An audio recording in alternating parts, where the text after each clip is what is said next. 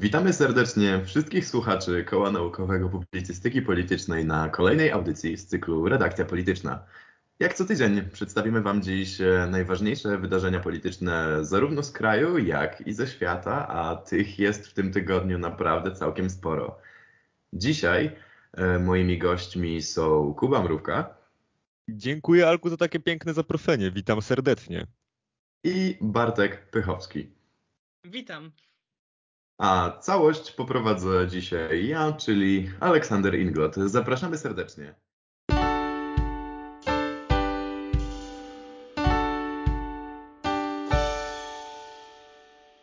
E, myślę, że zaczniemy od tego, że przyznać trzeba, że ten tydzień, który nas minął już troszeczkę, przyznać trzeba, nie rozpieszcza nas e, dobrymi informacjami, a zdecydowanie dzieje się bardzo dużo. Przede wszystkim e, można by powiedzieć, że przez większą część tego tygodnia e, pierwsze skrzypce e, w polityce polskiej e, grał nie kto inny, jak zaskakująco Paweł Kukis.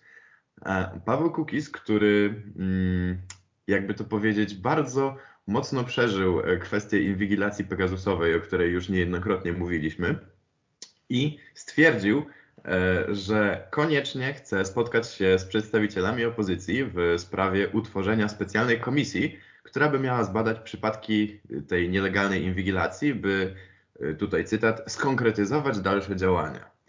E, no i cóż, e, jednym z warunków, jakie stawia Paweł Kukiz, jest ogłoszenie go kandydatem na przewodniczącego tejże komisji, ponieważ, jak on sam ocenił, jest jedynym gwarantem bezstronności.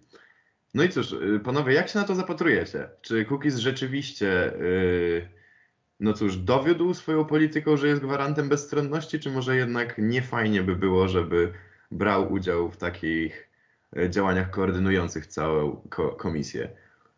Myślę, że Paweł Kukiz po prostu chce jak najbardziej e, grać tyle, ile może, ale zrobi to po prostu dlatego, że na to mu się pozwala, bo liderzy opozycji wiedzą, że on jest tym kluczem, żeby cokolwiek w tym kierunku powstało i po prostu e, zaciskają zęby i chcą po prostu przepchnąć tą koalicję do, do spraw afery z Pegasusem, po to, żeby po prostu e, odwrócić trochę wzrok od Kukiza jego dotychczasowych E, Volt w kierunku Prawa i Sprawiedliwości, tylko żeby bardziej mieć więcej amunicji do e, potencjalnej przyspieszonej mm, kampanii wyborczej, która może w każdym momencie nadejść. Mm, ciężko mi w tej sytuacji stwierdzić cokolwiek o Pawle Kukizie, który chce rozdawać karty, ponieważ y, Albo on jawi się z jednej strony jako e, desperat, próbujący się na siłę utrzymać w rozgrywce politycznej, gdy już e, jego siła opiera się na tym, że e, zdradził już każdą możliwą stronę, w której mógł uczestniczyć.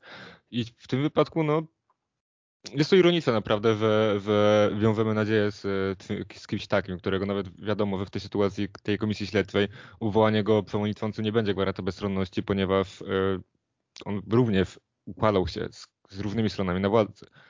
Więc yy, nie wiem. No tak, to, ale to, to dziwne, trzeba to zwrócić uwagę na to, że sam Paweł Kukiz właśnie też zdał się, jakby można powiedzieć, wyprzedził to, co nieuchronnie nadchodziło i już podczas rozmowy w wirtualnej Polsce puściły mu troszeczkę nerwy, ponieważ to stwierdził, że on przede wszystkim chciałby powołać komisję w sprawie marszałka Senatu Tomasza Grodzkiego, jak, jak on sam powiedział, uciąć spekulacje i oczyścić go z pomówienia o łapownictwo, a następnie oskarżył media i, i, i, i wszelkiego rodzaju dziennikarzy o to, że zrobili z niego złodzieja i że on cały czas starał się być uczciwym politykiem, on cały czas e, starał się żyć e, zgodnie z wolą własnych wyborców. E, czy to prawda, czy nie, ciężko w tym momencie oceniać, ponieważ, no cóż, wszyscy wiemy, jak szumnym echem odbiło się y, przyłączenie Pawła Kukiza do właśnie obozu władzy. E, aczkolwiek, no cóż, e, sam Paweł Kukiz twierdzi, że y, generalnie, hmm, jakby to ująć, pa Paweł Kukiz stwierdził, że gdyby nie media i gdyby nie dziennikarze, to nadal uchodziłby za polityka uczciwego. Czy, czy, czy, czy, czy te jego działania w jakikolwiek sposób temu potwierdzają, czy nie? Myślę, że przyjdzie nam się e, przekonać na dniach. E, to, to, to, to raczej na 100% e, w pewien sposób się rozwinie, ale czy Powiedzcie mi, czy w ogóle widzicie jakąkolwiek szansę w tym, że taka komisja w ogóle zostanie powołana? Zależy komu się to będzie opłacało. Paweł Kukiz na końcowym etapie e, tej przygody opozycyjnej swojej chwilowej nie stwierdzi, że na przykład e, jednak takie podsłuchy to państwo ma prawo podsłuchiwać obywateli, bo te takie równe w jego programach i w jego wypowiedziach znajdujemy e, znajdujemy, że się tak wyrażę, podejścia do różnych spraw. I, I raczej Paweł Kukiz nie ma problemu z mocnym i zdecydowanym udziałem państwa w polityce, w polityce zarządzania obywatelami. I też ma również trochę to podejście do praworządności. Jednak i do tej uczciwości ma chyba trochę z tego, co kojarzymy po tych wszystkich głośnych sprawach o reasumpcji i o tym, jak on się układał i jacy, jacy ministrowie jego i tak i tak dalej, to ciężko stwierdzić, czy Paweł Kukiz w ogóle jest świadomy tego, co on mówi w kontekście tego. Ja mam wrażenie, że to jest na jakimś poziomie taki metaświadomy, metaświadomy stand-up. E, gdy osoba, która chciała tak walczyć o demokrację, która chciała gwarantować, staje się osobą, która twierdzi, że to właśnie e, że to media i dziennikarze zrobili z niego, e, zrobili z niego nieuczciwą osobę.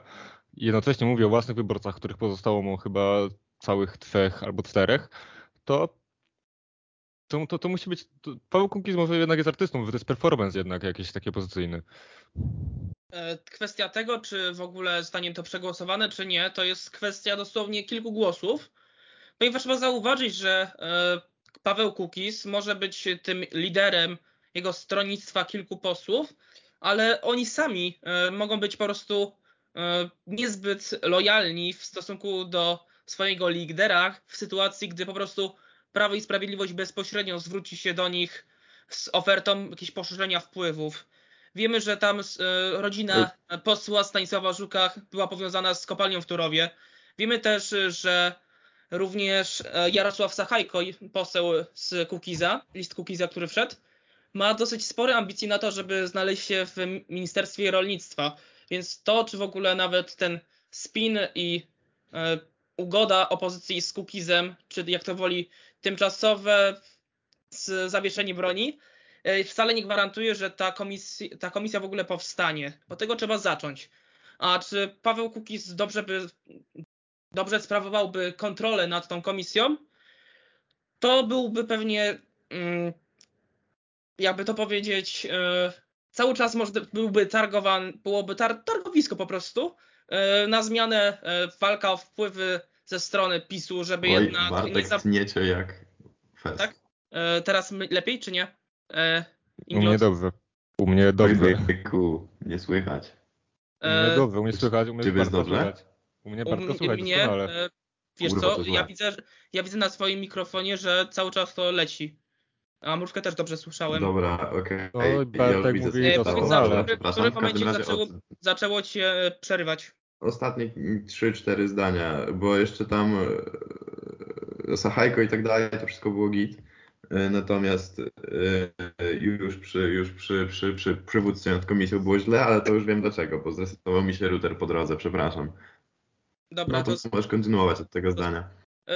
Kwestia tego, czy Paweł Kukiz byłby dobrym przewodniczącym komisji, jest dosyć śliska, ponieważ osob, byłby, byłby po prostu osobą, która ma jakąś duży wpływ na decyzyjność te, tego organu w ramach pracy parlamentarne, parlamentarnej i przez to też e, byłby po prostu cały czas e, poddawany naciskom to ze strony opozycji, to z, ze strony Zjednoczonej Prawicy i po prostu e, w imię swoich partykularnych interesów w danym momencie decydowałby, w którą stronę chce iść. Chce bardziej dopiec opozycji, czy może chce bardziej dopiec Jarosławowi Kaczyńskiemu, żądając e, nieoficjalnie coraz większych wpływów dla swoich posłów.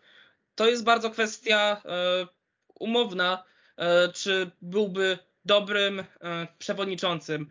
Dobrym to zależy dla kogo, bo na pewno nie można powiedzieć, że jest to osoba obiektywnie wykwalifikowana i odpowiednia na takie poważne stanowisko. No cóż, w takim razie myślę, że Pawła Kukiza jako takiego myślę, że możemy już y, zostawić, ponieważ jego case na pewno będzie jeszcze omawiany niejednokrotnie zarówno w tej audycji, jak i w wielu, wielu innych, ponieważ no cóż, im więcej się dzieje, tym więcej tego Pawła Kukiza w polityce jest, co zaskakuje na pewno nie jednego uczestnika życia politycznego, jak i nie jednego obserwatora. Natomiast przeskoczyłbym tutaj z jednej bardzo ważnej sprawy opozycyjnej, czyli Pegasusowej, do drugiej bardzo ważnej sprawy opozycyjnej, czyli tak zwanego Lex Czarnek. Co to jest Lex Czarnek? Lex Czarnek to potoczna nazwa projektu nowelizacji ustawy prawa oświatowego. Projekt zawiera gruntowne zmiany, m.in. w zakresie obsadzania stanowisk kierowniczych, a jest aktualnie po pierwszym czytaniu w Sejmie i wzbudza, no cóż, bardzo, bardzo dużo e, kontrowersji w środowisku oświatowym.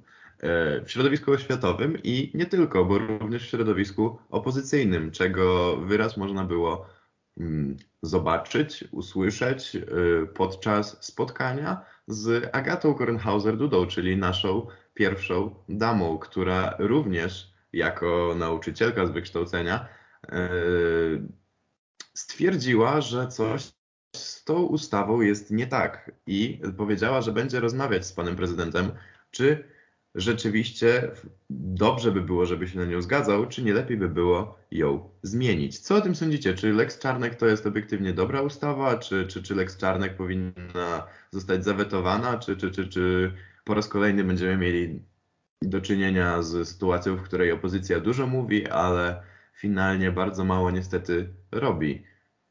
Powiedziałeś y, o tym, że, że projekt Lex Czarnek wzbudza kontrowersje. Otóż nie do końca wzbudza kontrowersje, tylko jest z góry y, do dołu y, krytykowany przez wszystkie środowiska akademickie, związkowe, nauczycielskie, również przez pracowników oświaty, którzy są pozaoświatowi, czyli pracowników urzędowych, pracowników, kuratorów czasami nawet.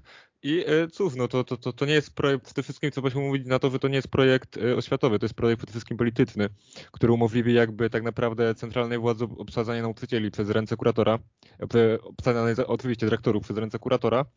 I e, w takim wypadku, no to tak naprawdę jest całkowite tylko przejęcie centralizacyjne szkół od góry. I, i, no jeżeli tego się nie uda jeżeli powiem tak, jeżeli tego się nie uda zawetować za pomocą e, prezydenta, to to będzie ciężkie, ponieważ jakby wiadomo, że posłowie PiS głosują tak, jak, jak, jak im rozpiska partyjna kawę. I to chyba jest ostatni, i to chyba jest e, ostatni e, czas na to, żeby jednak prezydent w końcu pokazywał, zaczął pokazywać ten słynny pazur, który zapowiadał, że on teraz już nic nie musi, więc on będzie wetował. E, z drugiej strony też się mówi o tym, że Przemysław Czarnek rośnie coraz bardziej w siłę w środowisku PiS i też się to podobno, podobno niektórym osobom nie podoba.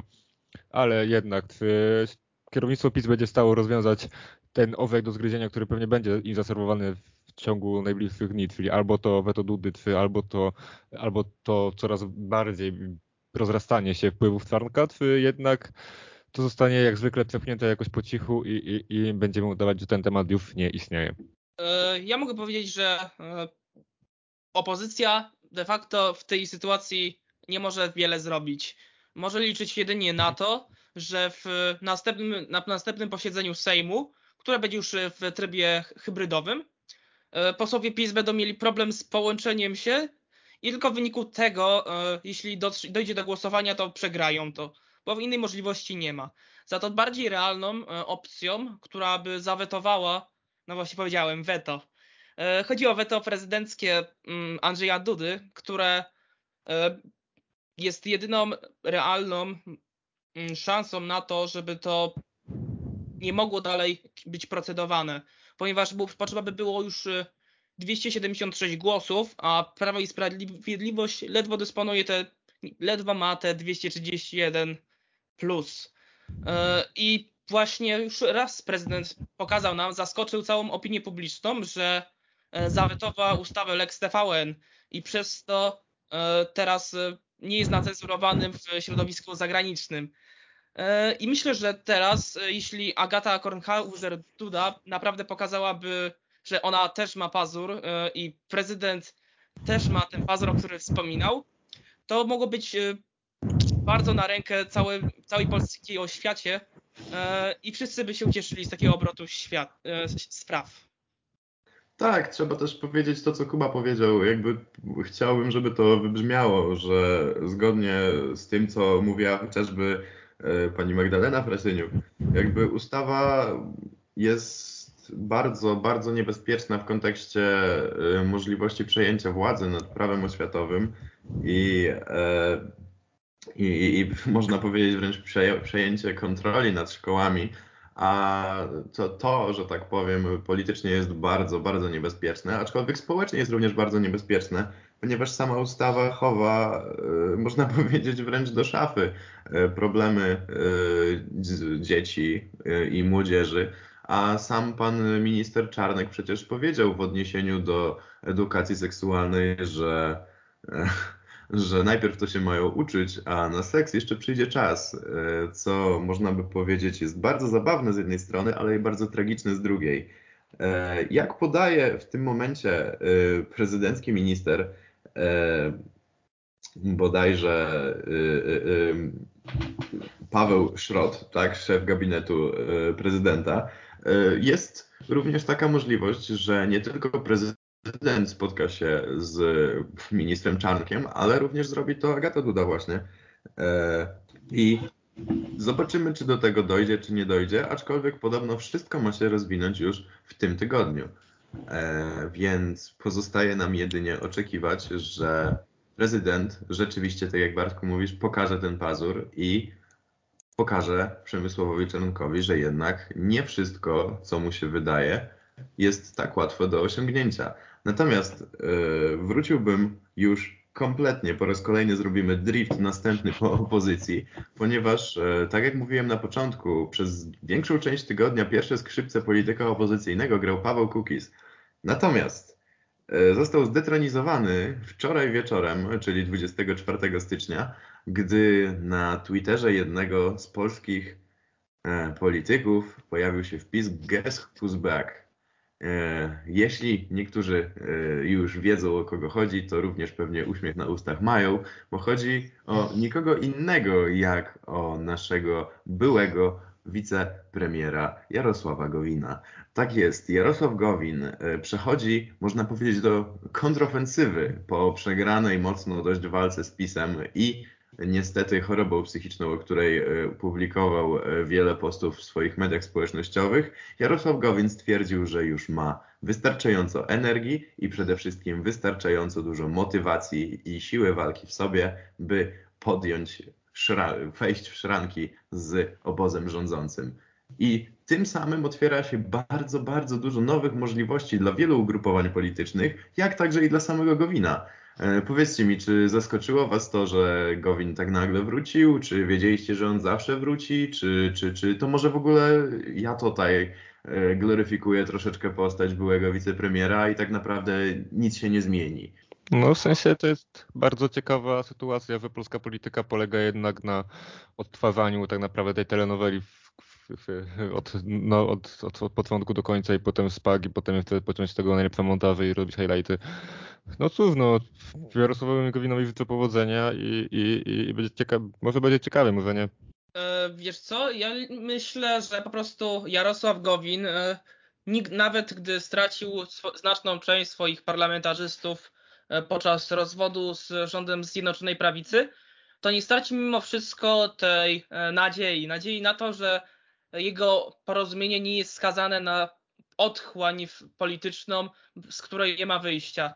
E, myślę, że Jarosław Gowin będzie jak najbardziej próbował być aktywny w polach, które są do wykorzystania przez opozycję, czyli taką bardziej centroprawicę, która jednak jest E, dosyć już zatłoczonym środowiskiem politycznym przez partię i przez to bym widział e, bardzo na przykład e, bliską współpracę z PSL-em w ramach koalicji w następnych wyborach, bądź nawet z Szymonem Hołownią. Kto wie, może Szymon Hołownia by zrezygnował z tego efektu świeżości na rzecz wprowadzenia większej ilości posłów opozycji.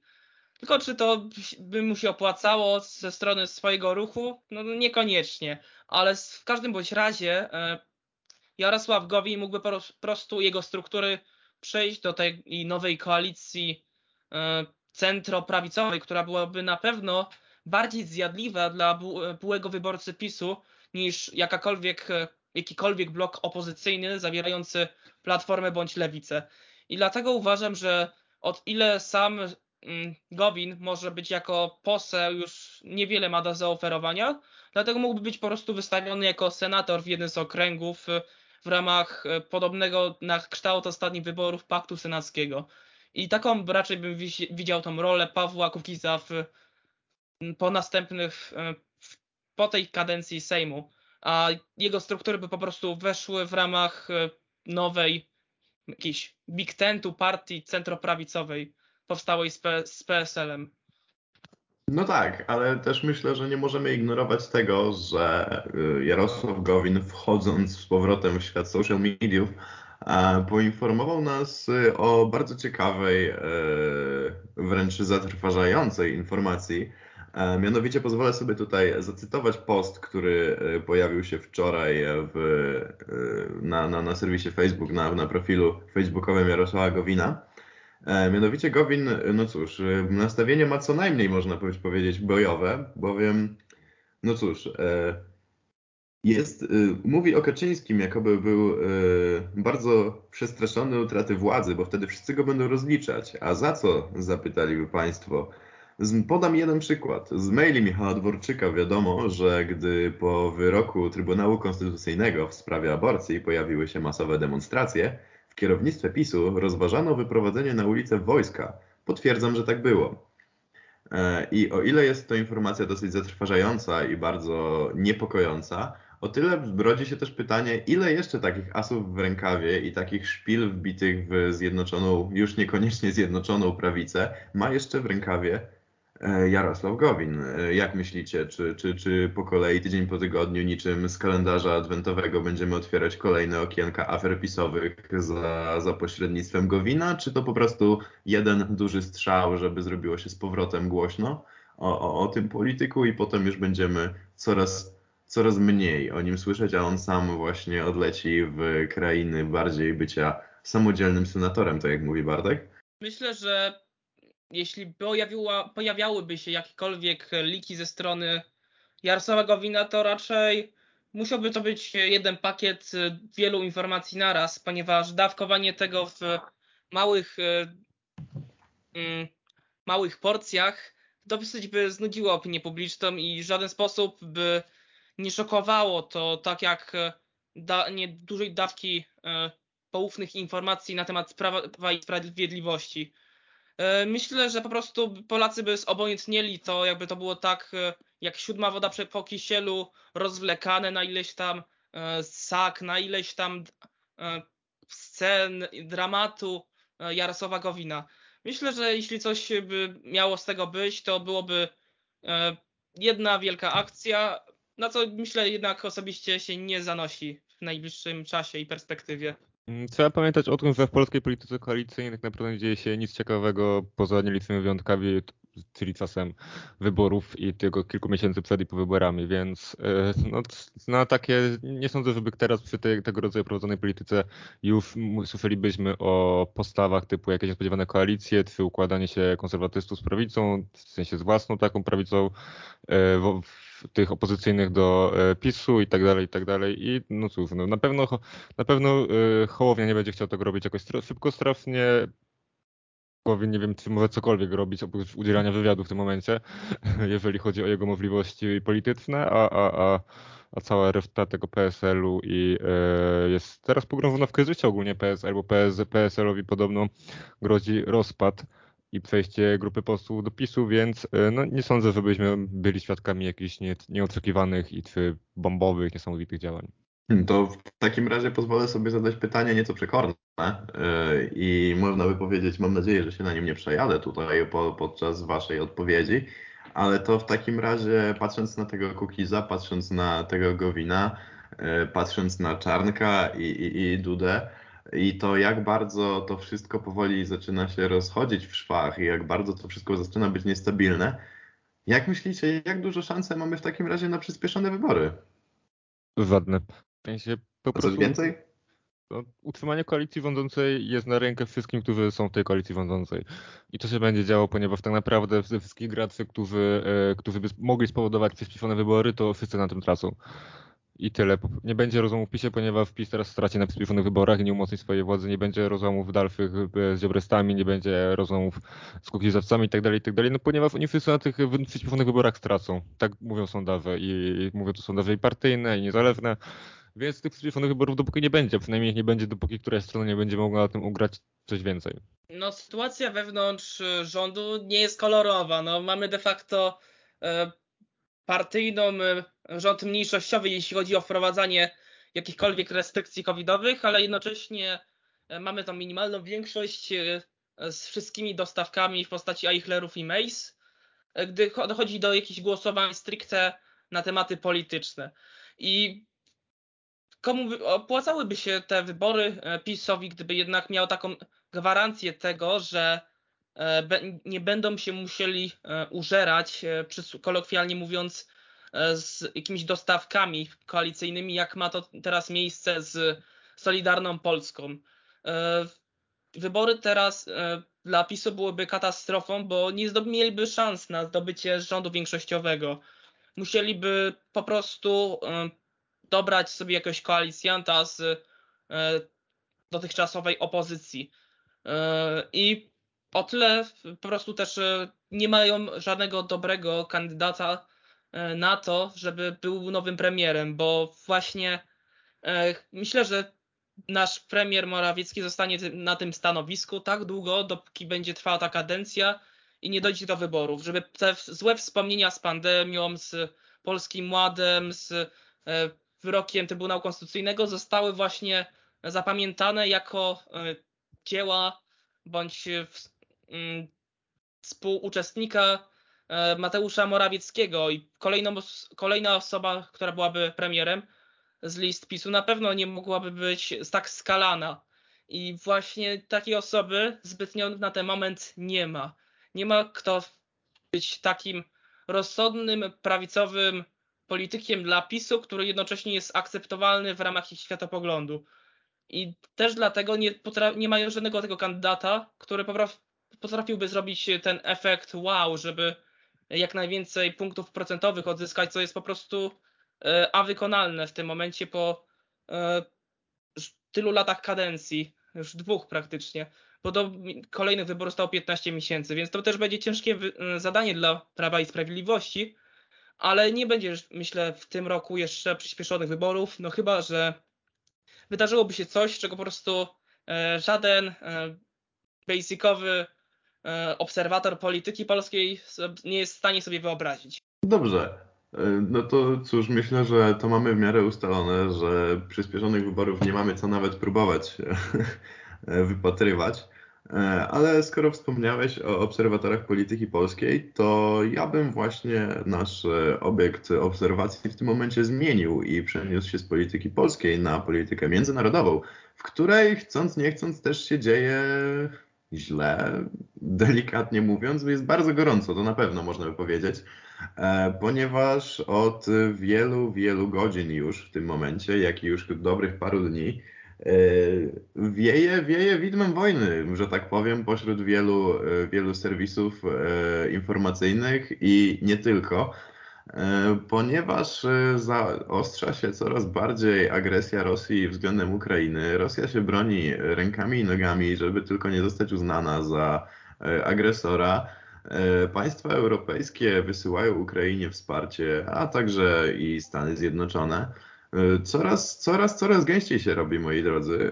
I czy powiedzcie mi właśnie, czy, czy, czy czy ja, mieszkając y, na Podkarpaciu, powinienem się już pakować i uciekać jak najdalej, czy, czy, czy szykować się do, do obrony mojej własnej granicy, czy może jednak mogę spać spokojnie? Jak o tym myślicie? Nawet w wypadku, gdyby tej wojny nie było, to sam fakt istnienia tego napięcia już działa negatywnie na ogólną politykę europejską, na e, kwestie społecznościowe, na kwestie właśnie społeczne y, ludzi. Te, te, te, I to też będzie odczuwalne w Polsce, to będzie też równie odczuwalne w Polsce i nie wiem, jak będziemy sobie z tym radzić. Naj, najgorsze jest to nie, nie, czy ta wojna będzie, czy to czy nie będzie, tylko jak jesteśmy w jakiś sposób na nią przygotowani. No, najgorsze jest z perspektywy Polski, ponieważ e, czytając wywiady właśnie z, z premierem, czy z, z, z osobami odpowiedzialnymi za przygotowanie Polski do, e, do potencjalnego konfliktu zbrojnego już blisko naszej granicy, to dowiadujemy się, że tak naprawdę to, to, to będzie ok i, i, i nie ma żadnych konkretnych planów, ale jednak będzie dobrze, bo jak nie może być dobrze. A poza tym padł od kogoś, nie pamiętam od kogo, pod cytat, że w wypadku emigracji do polskich obywateli Ukrainy, to Ukrainy to przecież i tak już, już w Polsce jest milion obywateli Ukrainy, więc to oni przyjmą tych, którzy będą znowu emigrować. Więc y, ja się niczego nie boję w takich zapewnieniach i jestem przekonany, że e, wszystko się dobrze ułoży. E, to ja tutaj tylko wejdę w słowo, żeby już, że tak powiem, nie, nie psuć tej narracji, ponieważ rozmowa zapowiada się na bardzo ciekawą. E, osobą, która wypowiedziała się tak z lekka, można powiedzieć niepoważnie o milionie polskich Ukraińców, jest szef Biura Bezpieczeństwa Narodowego w Polsce i to właśnie on stwierdził, że od 2014 roku e, Ukraińców u nas e, przybywa i nic się na to nie zanosi, więc nie powinniśmy się martwić jakimkolwiek e, natłokiem uchodźców. Wypowiedział to oczywiście, naraził się wielu, wielu obserwatorom polityki i komentatorom, ponieważ nie jest ona zbyt poważna, ale myślę, że jest to temat na zupełnie inną rozmowę, a teraz już oddałbym głos Bartkowi, by usłyszeć, co on twierdzi o możliwości zaistnienia konfliktu zbrojnego na szeroką skalę? No, najprostszą odpowiedzią myślę, że będzie to zależy. To zależy od wielu czynników i to można je podzielić zarówno na czynniki polityczne, energetyczne, jak i na finansowe. I bym zaczął raczej od tych czynników e, politycznych, czyli właśnie chodzi o dyplomację. E, Rosja dosyć e, szybko zdała sobie sprawę, że dalsza polityka appeasementu e, i lekkiej odwilży relacji e, po najechaniu na Ukrainę w 2014 nie przynosi długofalowych takich oczekiwań, jakie z tym wiązała. I w związku z tym liczę, liczę po prostu, że na to, że dalsza eskalacja konfliktu wokół Ukrainy, wokół Donbasu oraz Ługańska posłuży się rozszerzeniu wpływu, wpływów e, Władimira Putina przez właśnie wystąpieniu e, tego efektu mm, społecznego e, round the flag, ponieważ poparcie dla Władimira Putina też nie jest jakieś ekstremalnie dobre. Podczas pandemii stracił bardzo wiele punktów procentowych w sondażach oraz można powiedzieć wprost, że nie, widz, nie widzę on jakkolwiek miałby to zrobić w inny sposób niż po prostu pobudzić tą e, świadomość narodową Rosjan w inny sposób niż to, że po prostu jesteśmy w trakcie konfliktu i walczymy o, nasz, o ten nasz ruski mir, jak to on często mówi w swoich materiałach propagandowych, cała rosyjska narracja historyczna. I właśnie o ten ruski mir się rozbijamy, czyli o terytoria byłego ZSRR. Było widać, że e, Rosja nie odpuści za nic e, swojej strefy wpływów. E, mieliśmy, musimy to zaobserwować na Białorusi, gdy Władimir Putin wsparł reżim Łukaszenki podczas protestów społecznych po sfałszowanych wyborach. Widzieliśmy też, że nie zamierza w jakikolwiek sposób dawać nawet rąbka okazji do tego, żeby aby wyrwać się na niezależność.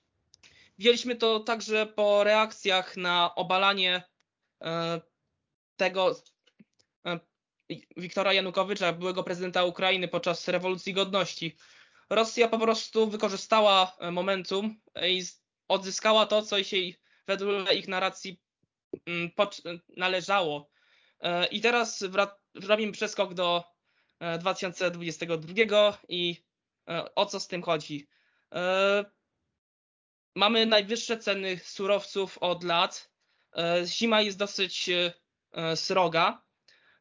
I całą, całą jesień, praktycznie cała Europa żyła w cieniu wielkiego strachu przed tym, że Rosjanie w obliczu zimy zamkręcą kurki gazowe dla całego wschodu Europy wraz z otwarciem się Nord Stream 2.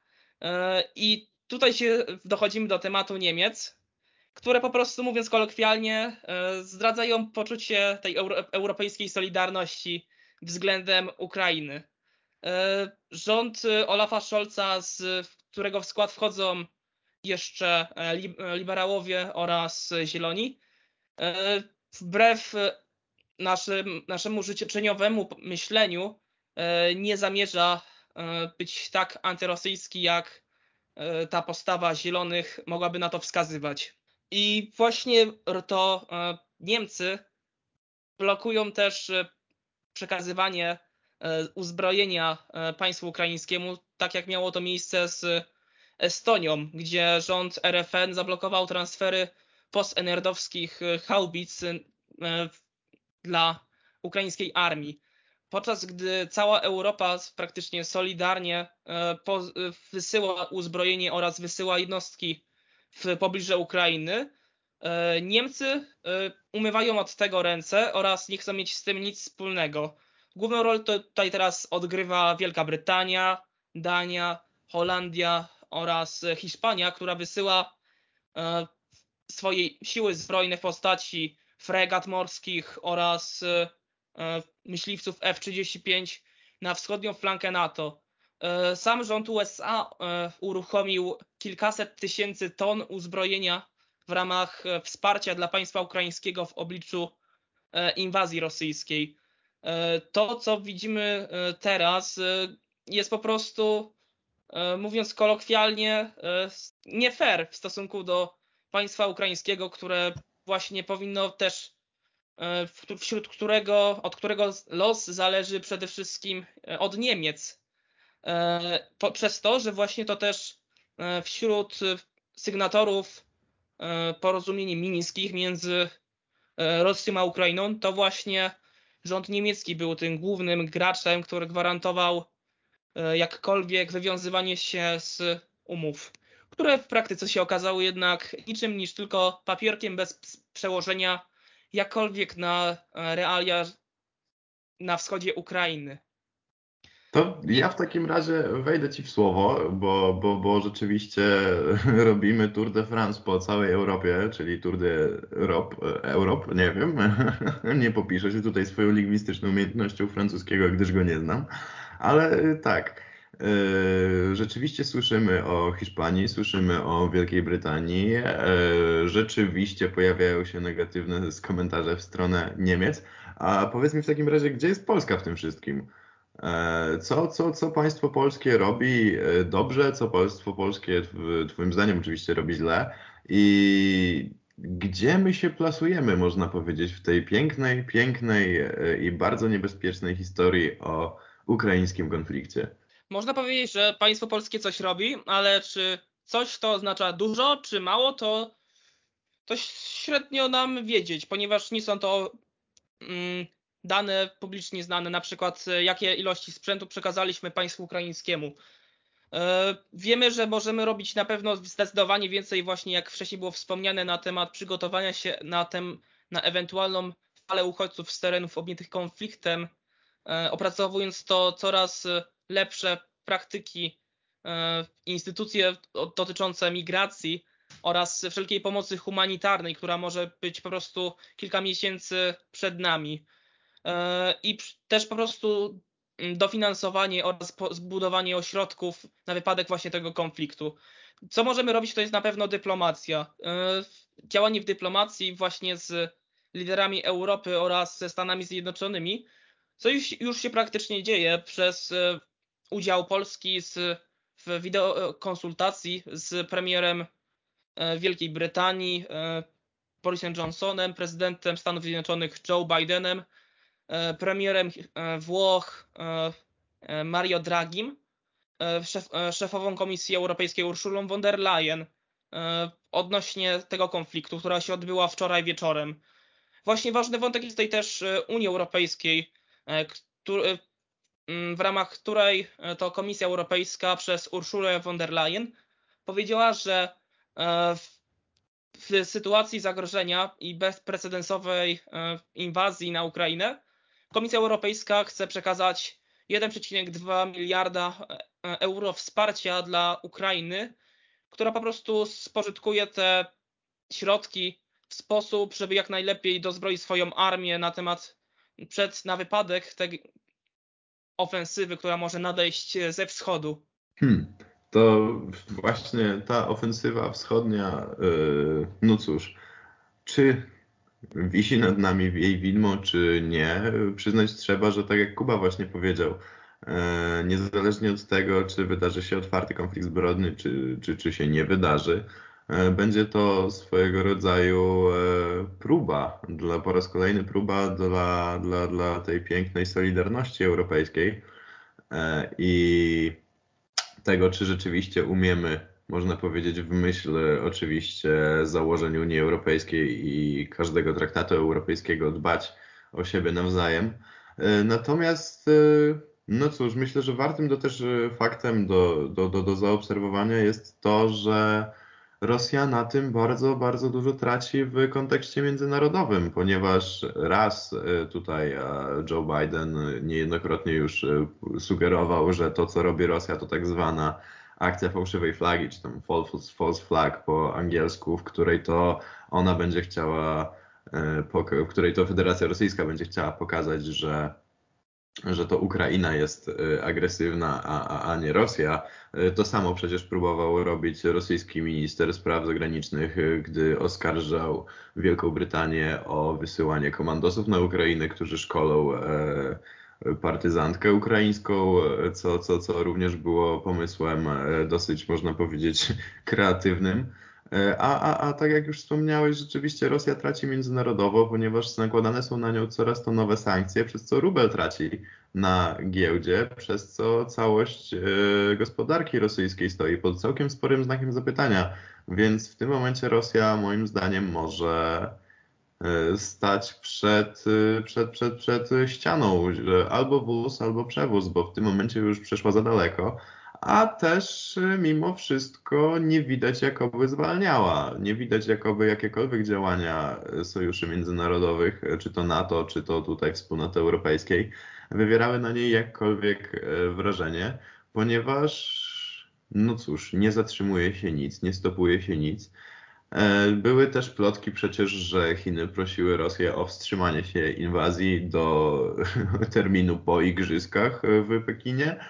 No ale cóż, zobaczymy jak to będzie. E, ja tutaj ze swojej, ze swojej strony mogę jedynie zaprosić e, teraz, jeśli kogokolwiek, że tak powiem, bardziej interesuje ten temat, na e, rozmowy w ramach e, kwadransów studenckich i politykujemy, które są już na naszych kanałach social media.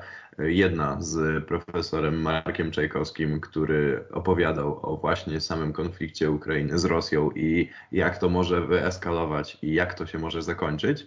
Natomiast druga e, będzie premierować już w ten piątek. E, będzie to Politykujemy z panem redaktorem Parafianowiczem, który to jest specem, można by powiedzieć, od e, Armii Wschodu, a zwłaszcza tych prywatnych i bardzo dosyć, można powiedzieć, bardzo profesjonalnie wypowiada się na tematy właśnie paramilitarne. I również tam poruszona została kwestia konfliktu ukraińskiego i rosyjskiego a można powiedzieć, pozwoliłem sobie już na taką rozszerzoną reklamę, ponieważ czas widocznie nam się już zaczyna kończyć i też nie chcemy przedłużać, bo tak jak wszyscy Państwo słyszą, sytuacja akurat na linii Rosja-Ukraina, a co za tym idzie Rosja i Europa, jest bardzo niepewna i można by wróżyć z fusów przez naprawdę, naprawdę długie godziny, a to nie o to przecież w tym wszystkim chodzi. Mamy y, jedynie nadzieję, że dzięki naszemu y, skromnemu briefowi już wiedzą mniej więcej Państwo o co chodzi. E, wiedzą Państwo, dlaczego wszyscy są poddenerwowani na arenie międzynarodowej i wiedzą Państwo, czy są przesłanki ku temu, by być poddenerwowanym. Natomiast y, ja ze swojej strony mogę jedynie zapewnić, że co by się nie działo, to na pewno będziemy tu dla Państwa relacjonować, ale myślę, że też nie ma co wpadać w jakąkolwiek skrajną panikę. E, tak więc tak, po dosyć dłuższym już e, pożegnaniu chciałbym podziękować moim dzisiejszym gościom za obecność e, na, podczas audycji i za wyrażenie swoich obaw i nie tylko. I no cóż, pozostaje mi Państwa zaprosić już tylko i wyłącznie na następne redakcje polityczne. Dziękuję Bartku, dziękuję Kuba. Dzięki, Dzięki do usłyszenia i do usłyszenia z Państwem.